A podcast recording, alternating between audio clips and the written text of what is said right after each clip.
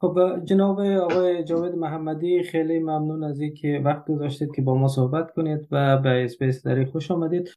میشه در ابتدا شما خواهش کنم که برای کسی که اصلا با محرم و آشورا آشنا نیست به زبان خیلی ساده توضیح بدین که محرم و آشورا چیست. بسم الله الرحمن الرحیم. الحمد لله و السلام علی سیدنا محمد و اهل بیته الطاهرین. محرم یک کلمه اولین ماه از ماهای اسلامی است و آشورا هم اسمی که گذاشته شده است قبل از اینی که اتفاق در آشورا در کربلا بیفتد اسم آشورا بوده که فلسفه های طولانی دارد که واردش نمیشه. ولی در این ایام اونچه که امروز شهرت پیدا کرده و معروف شده بین مردم اینه که حسین فرزند امام علی و فاطمه زهرا دختر پیامبر. در یک قیامی نابرابر به خاطر عدالت خواهی و امر به معروف نهی از منکر و اداره جامعه اسلامی که به سوی باطل می‌رفت که جلوش رو بگیرد در این ماه در سرزمین به نام کربلا و در روز به نام آشورایی که امروز معروف شده است قیام کرد و در برابر به عدالتی ها استاد و به شهادت رسید. با هفتاد و دو تن یارانش. از اون به بعد مسلمین نه تنها شیعیان بلکه همه مسلمان ها که او زمان مسئله شیعه و سنی هم به این صورت مطرح نبود از این ایام تجلیل می‌کرد و پرچم آشورا را می‌گرفتند بلند می‌کردند و مثل امروز با یک سری تفاوت در توضیح و تعریف و شعارهای آشورا و اهداف آشورا صحبت می‌کردند و از جمله این که بر این مصیبت عظمایی که در جامعه اسلامی اتفاق افتاده است نسبت به اهل بیت پیغمبر اشک میریختند. و در مرور زمانی که آمده تا امروز که به حال بیش از 1400 سال گذشته یک مقدار ممکنه مراسم ها تغییر شکل گرفته باشد. ولیکن فعلا تقریبا اکثرا شیعه های کار می‌کنه ولیکن ای از صدر اسلام از امو زمان به حال بعد از قیام عاشورا توسط مسلمان ها تجلیل می شده شیعه و سنی و امروز اهل سنت هم از این تجلیل می‌کنه به همین دلیل به خاطر عظمت خون اهل بیت پیغمبر که به خاطر دفاع از سنت پیغمبر عدالت خواهی و اجرای امر معروف نهی از منکر رنگین شده بود ادامه داشت و ادامه داشت. خب اگر یک مقدار با جزئیات توضیح بتین که دلیلی که امام حسین علیه یزید پسر معاویه قیام کرد چی بود؟ دلیل قیام کرد آل فلسفه ای طولانی است. من فکر می‌کنم که کوتاهترین دلیل را باید از زبان خود امام حسین که چرا قیام کرد بیان کنیم. شاید برای مخاطبین بسیار ساده باشد و قابل فهم. و او یک وصیت نامه است. زمانی که معاویه فوت کرد و از این دنیا رفت قرار نبود که یزید بیاید خلیفه شود. با صلح ای که با امام حسن امضا کرده بود. ولی متاسفانه معاویه وقتی که رفت یزید آمد به جایش نشست و اعلام خلافت کرد.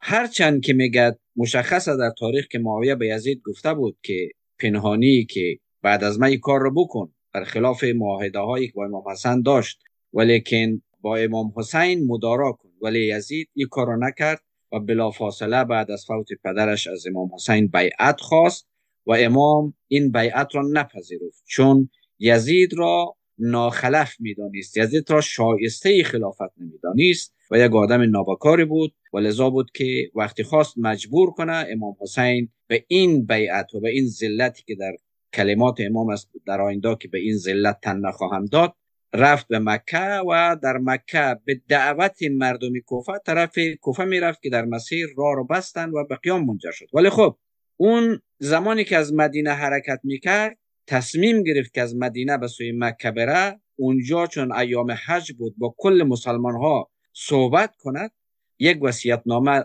نوشت و به برادرش محمد حنفیه داد. محمد حنفیه میگه پاهایش معیوب بوده و معذور بوده از اینکه در این سفر شرکت کنه و در این قیامی که امام حسین شروع کرده بود.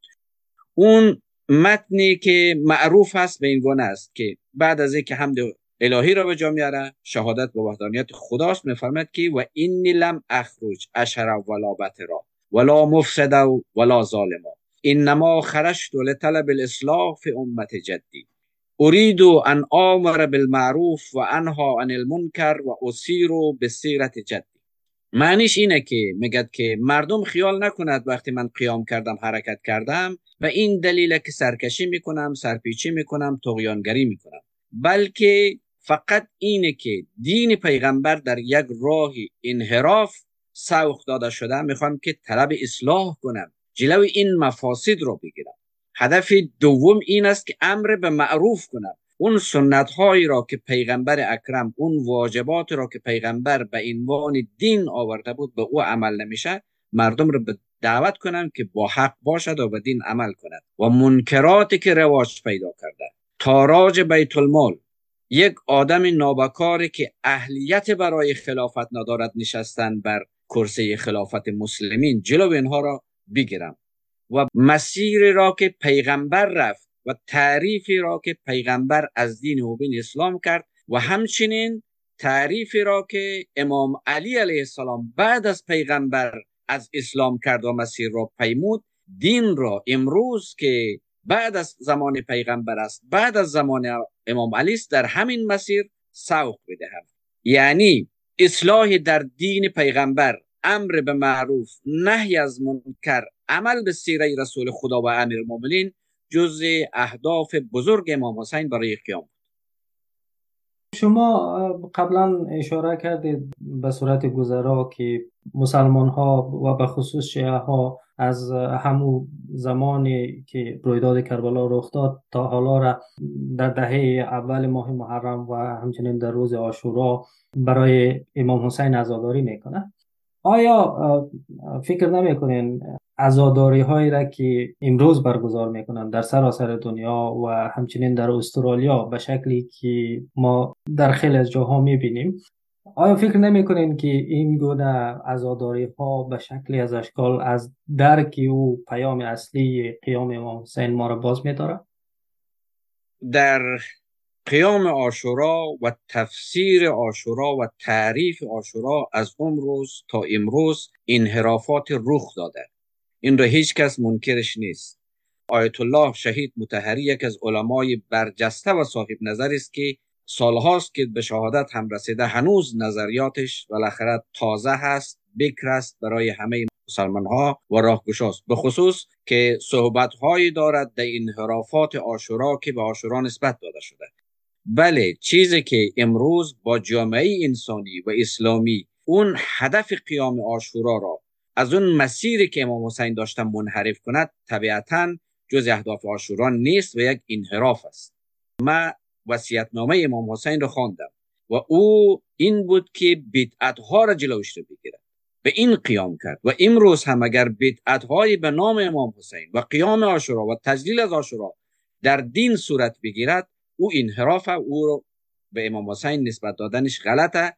هر کسی که او را انجام بدهد و در به هر عنوانی که انجام بده بسیار خوب. خب به عنوان سوال آخر می‌خوایم بپرسم که با توجه به شرایط و محیطی که ما در استرالیا در روز زندگی می‌کنیم آیا لازم است مراسم های سینزنی و عزاداری به شکلی که در کشورهای اسلامی برگزار میشه در خیابان ها برگزار میشه علم کشی دارن. آیا لازم است چنین کار را مسلمانان و به خصوص پیروان امام حسین در استرالیا هم انجام بدن؟ در نحوه برگزاری مراسم ها عرض کردم که این مراسم ها نباید آسیب زننده به دیگران باشد آزار باشد. بله ما قطعا باید یک چیز رعایت کنیم که اینجا کشور اسلامی نیست. یعنی همسایه همسایه که در کنار یک سالن یا مرکز اسلامی وجود دارد اینها درک نمی کند اینجا خبره اگر تا نصف شب سرصدا میشه مردم اذیت میشه بسیار از مراجع تقلید حتی از آن اگر مردم را آزار میده همسایه های مسجد را آزار می‌دهد نباید از بلندگوها فرض کن در فجر پخش شود بلکه در درون مساجد از آن گفته شود. این فتاوا را هم دارید. مراسم ها و شاعر محرم جز مستحبات است و واجب هم نیست. و ما بر, بر اساس مبانی اسلامی اجازه نداریم به عنوان مسلمان کاری کنیم که به دیگران آزار برسانیم. مراسم ها باید در یک فضای صلحآمیز بدون آزار و اذیت همسایه های مراکز و مساجد و تکیهخانه های سالن ها انجام شود. و در قسمت راهپیمایی ها اگر این راهپیمایی ها واقعا مزاحمت بزرگ خلق کند طبیعتا ضرورت نیست چون اینجا کشور اسلامی نیست و ممکنه مردم نفهمه و نفرت پراکنی شود که با پرچم ها و اینا. تا هنوز هم که در استرالیا برگزار شده است البته مجموعه ها تلاش کرده که در یک فضایی برند در یک فضای پارکی و چیزی که مزاحمت خلق نکند.